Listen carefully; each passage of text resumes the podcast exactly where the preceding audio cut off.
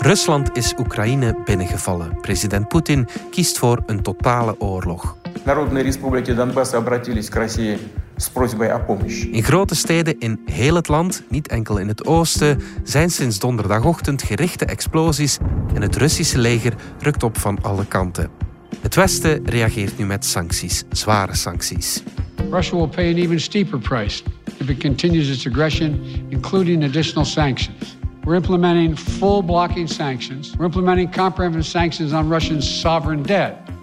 We'll also impose sanctions on Russia's elites and their family members. We will present a package of massive and targeted sanctions. a massive package of economic sanctions Maar dat lijkt Poetin weinig te doen. Hoe nuttig zijn sancties in deze oorlog en zijn ze ooit al nuttig gebleken? Ik ben Alexander Lippenveld en dit is vandaag de dagelijkse podcast van de Standaard.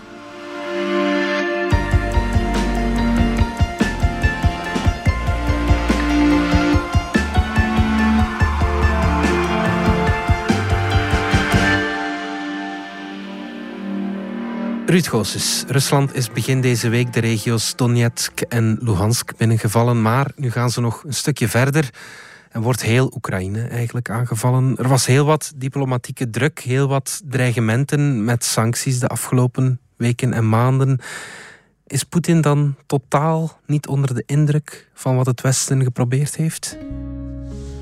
Uh, ik denk dat een andere conclusie nu moeilijk is. Mhm. Ehm, men heeft de afgelopen jaren eigenlijk heel wat sancties al aan Rusland opgelegd. Mhm. Begonnen eigenlijk na de annexatie van de Krim in 2014. Ja. In de positieve benadering kan je zeggen dat heeft Poetin ervan afgehouden om te doen wat hij nu doet. Om Mhm.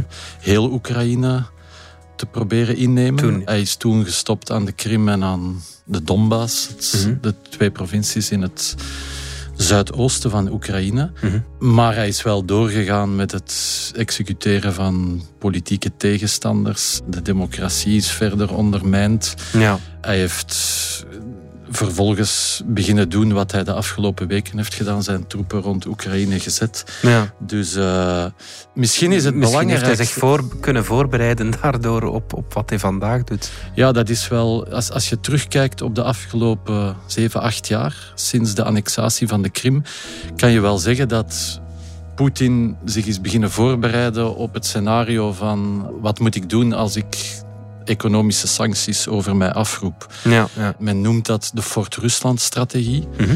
Hij heeft toen de invoer van een aantal producten vanuit het Westen naar, eh, naar Rusland stopgezet. Onze En peren onder andere. Ja, Absoluut. ja. Hij, is toen, hij heeft zijn economie zelfvoorzienender gemaakt. Zeer veel voedsel wordt nu in Rusland geproduceerd. Hij heeft de banden met China aangehaald. Er is in 2019 een pijplijn, een gaspijplijn tussen Siberië en China in Mhm. gebruik genomen. Hij heeft eigenlijk een conservatief begrotingsbeleid gevoerd. Mhm. Dus hij heeft het geld niet over de balk gegooid, waardoor hij nu eh, meer middelen Marge, in ja. kas heeft. Ja. Hij heeft een eigen betalingssysteem beginnen uitbouwen. Dat stelt nog niet zoveel voor. Maar het doel van al die dingen is wel dat hij het nu langer zou kunnen volhouden. Als hij echt Mhm. overgaat tot wat hij vannacht heeft gedaan. Ja. En dus moet je achteraf wel eigenlijk zeggen, ja, dit was altijd het plan. Ja, ja. En hij heeft in 2008, herinner u, heeft hij Georgië binnengevallen. Mhm. Ehm, twee maanden, of nee, drie, vier maanden na de NAVO-top, waar dat beslist werd dat Oekraïne en Georgië lid zouden worden van de NAVO, zij het Mhm. zonder een concrete datum. Mhm. Toen is hij Georgië binnengevallen.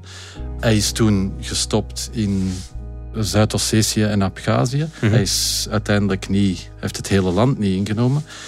Je zou kunnen zeggen, hij was, Rusland was toen nog niet sterk genoeg, stond nog niet, had, had nog niet de, de power om, om te doen wat het nu doet. Nu heeft hij een veel sterker militair apparaat Ja. en hij heeft gedaan wat ik net geschetst heb. Ja, voilà. Nu doet hij het wel.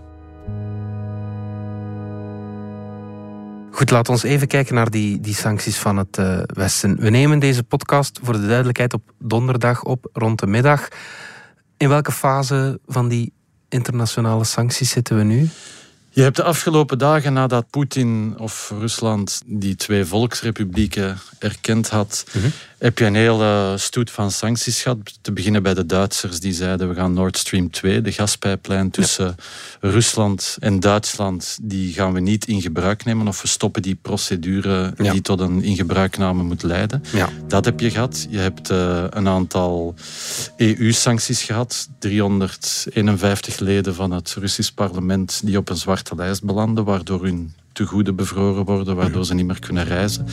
Je hebt ook een aantal uh, prominenten van het Russische regime. Mhm. De minister van Defensie, de kabinetchef van Poetin, die op die zwarte lijst zijn gezet. Ook de hoofdredacteur van Russia Today, Ja. het propagandakanaal van, van Poetin. Mhm. Dus je hebt zo'n aantal figuren die men daarop heeft gezet. Men heeft een aantal banken geviseerd. Tegelijk hebben de Verenigde Staten ook uh, een aantal maatregelen genomen. We're implementing full blocking sanctions on two large Russian financial institutions. We've cut off Russia's government from Western financing. It can no longer raise money from the West and cannot trade in its new debt on our markets or European markets either. Zij hebben bijvoorbeeld ook de familie van een aantal functionarissen mm -hmm. geviseerd. We'll also impose sanctions on Russia's elites and their family members. They share in the corrupt gains of the Kremlin policies and should share in the pain as well. Dus je ziet dat daar een opbouw in zit. Het Verenigd Koninkrijk heeft drie oligarchen op de lijst gezet. Today, in concert with our allies, we will agree a massive package of economic sanctions designed in time to hobble the Russian economy. Zij het ja, de, grote, de echt grote vissen stonden daar nog niet op. Mm -hmm. Roman Abramovich bijvoorbeeld van ja. Chelsea ja. staat er nog steeds niet op. Ja, ja, maar wat je nu ziet in de verklaringen van, van de afgelopen uren, is dat men wel een pak verder gaat gaan. De, de EU heeft bij monden van Ursula von der Leyen al gezegd, het zullen massieve en doelgerichte sancties worden. These sanctions will suppress Russia's economic growth increase the borrowing costs, raise inflation, intensify capital outflow, and gradually erode its industrial basis. Waarbij men een aantal cruciale sectoren zal proberen treffen. Je hebt heel de discussie van de, die de afgelopen weken al af en toe gevoerd is over de chips, de halfgeleiders, ja. die heel cruciaal zijn voor een aantal sectoren. Ja.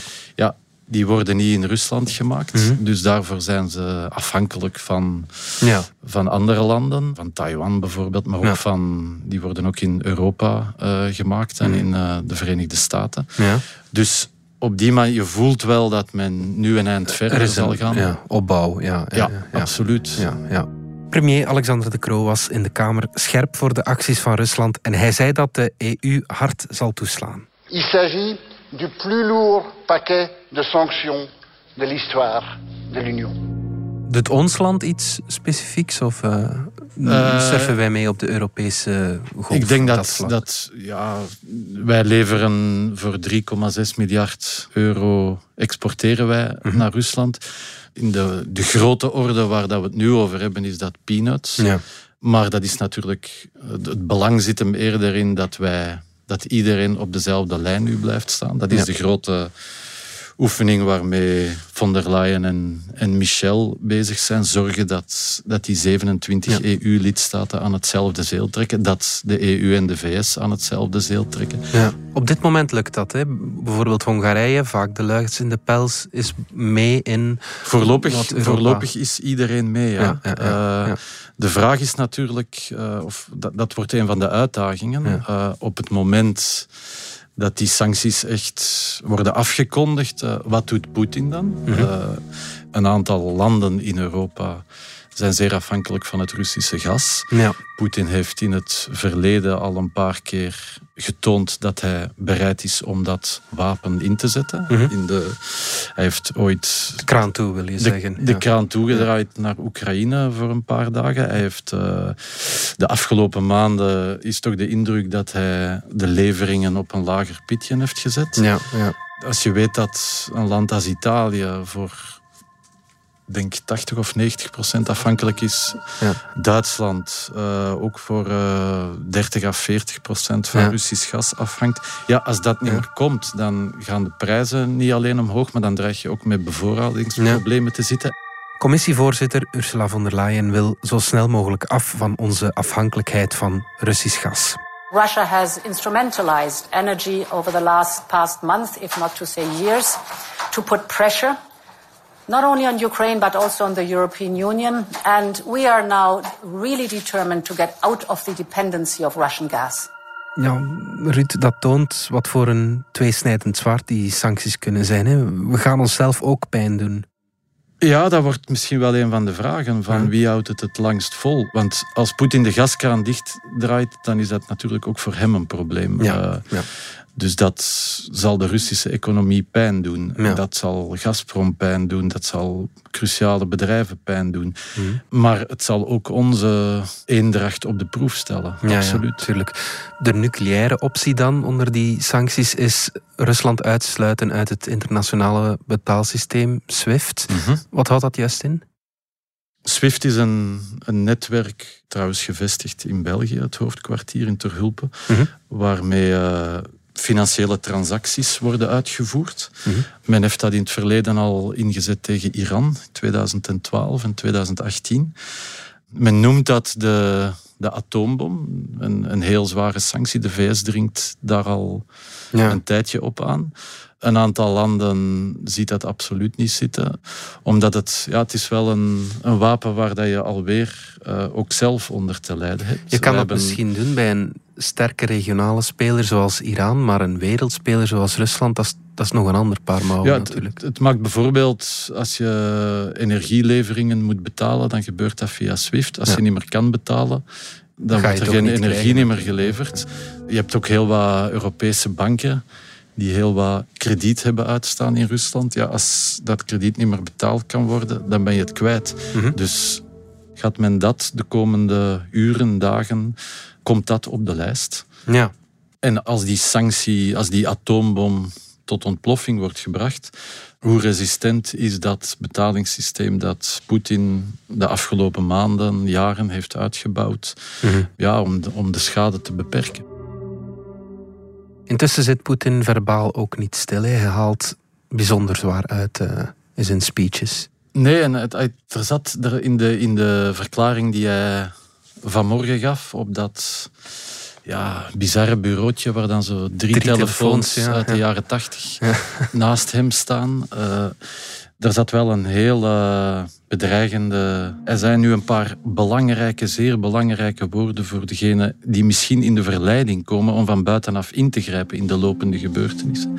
Wie probeert zich met ons te bemoeien, of nog meer om bedreigingen te creëren voor ons land, voor ons volk, moet weten dat de reactie van Rusland onmiddellijk zal zijn en zal leiden tot gevolgen zoals u die nog nooit in de geschiedenis hebt meegemaakt. Ja, dat zijn na de afgelopen dagen zijn dat wel uitspraken waar dat je even ja, angstig van wordt. Ja. En, en je kan je afvragen, wat bedoelt hij dan? Wat, wat is van buitenaf ingrijpen? Is dat soldaten sturen? Is, of, of is dat wapens leveren? Of volstaat het om... Of zijn dat die sancties bijvoorbeeld?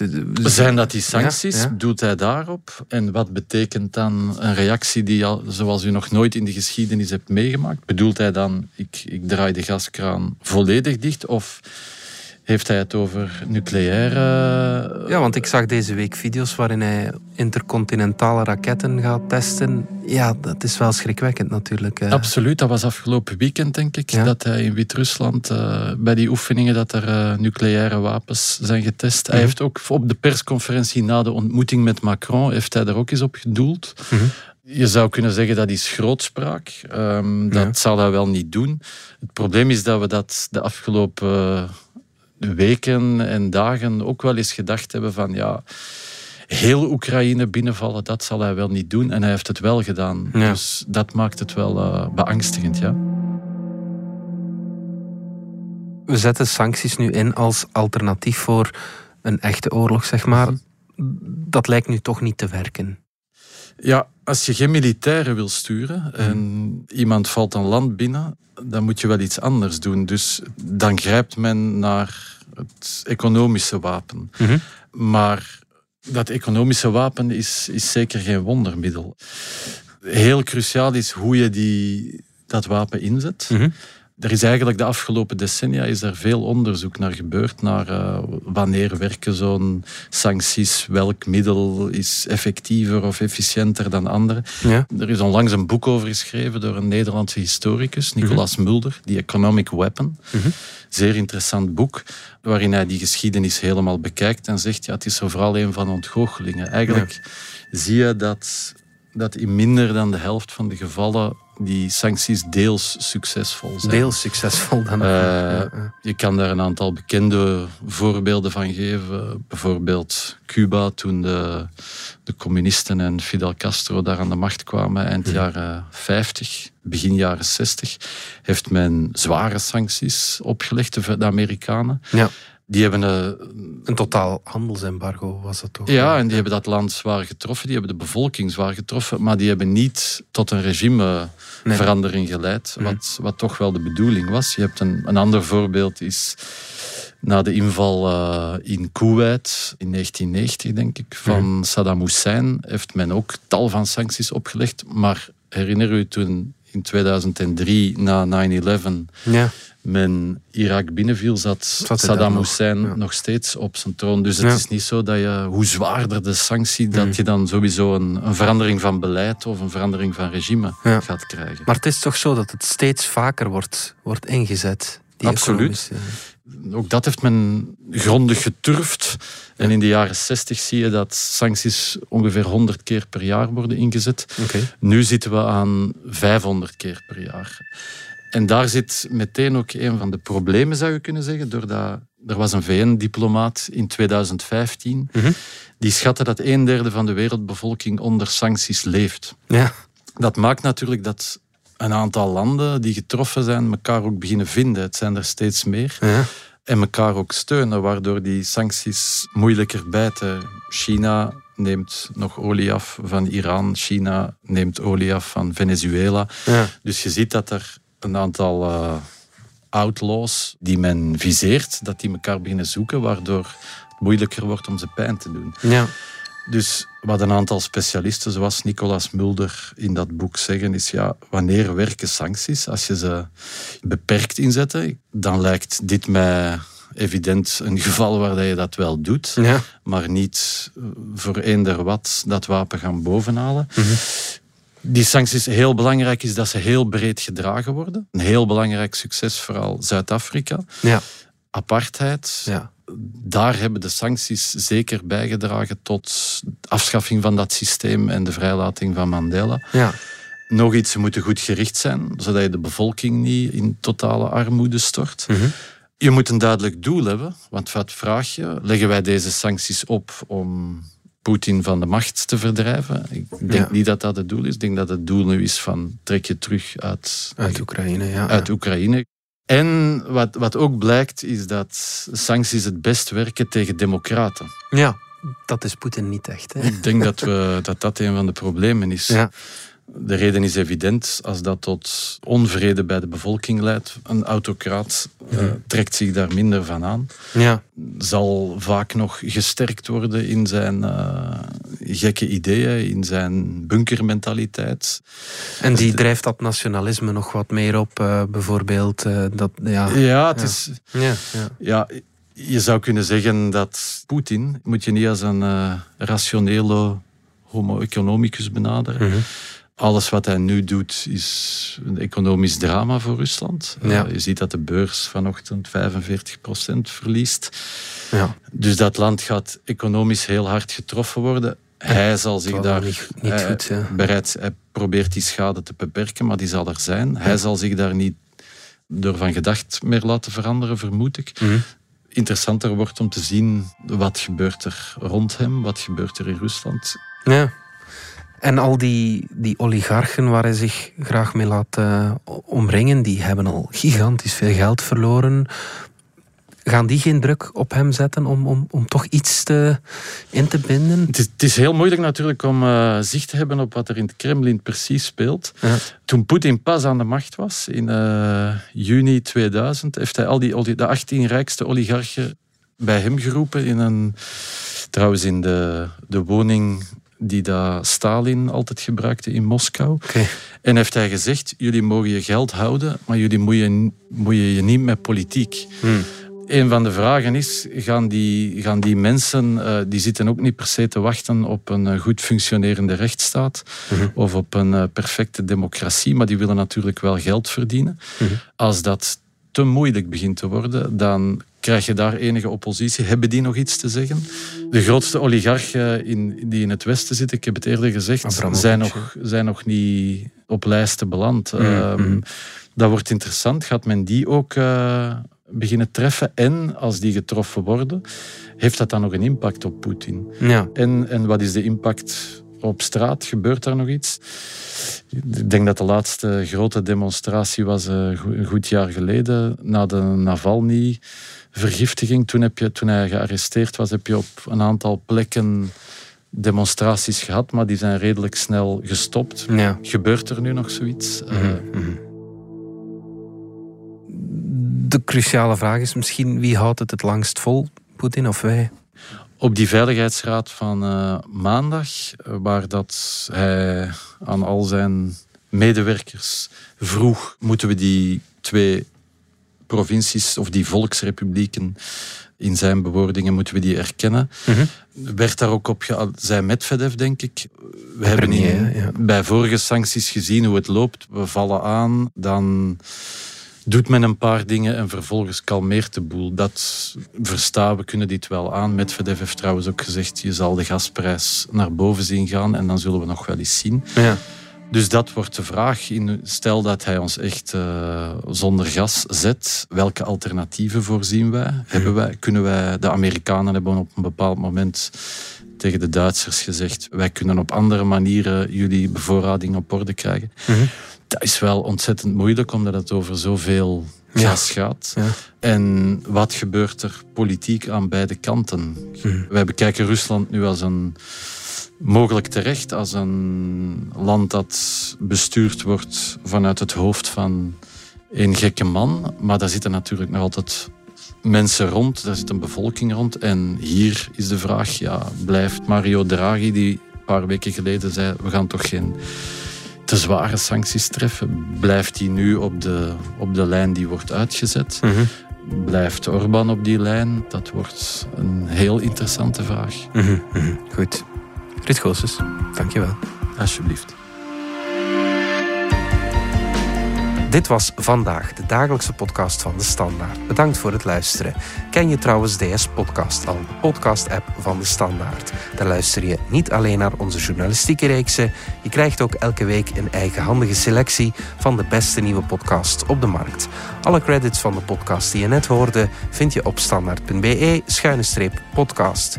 Reageren kan via podcast.standaard.be. Morgen zijn we opnieuw.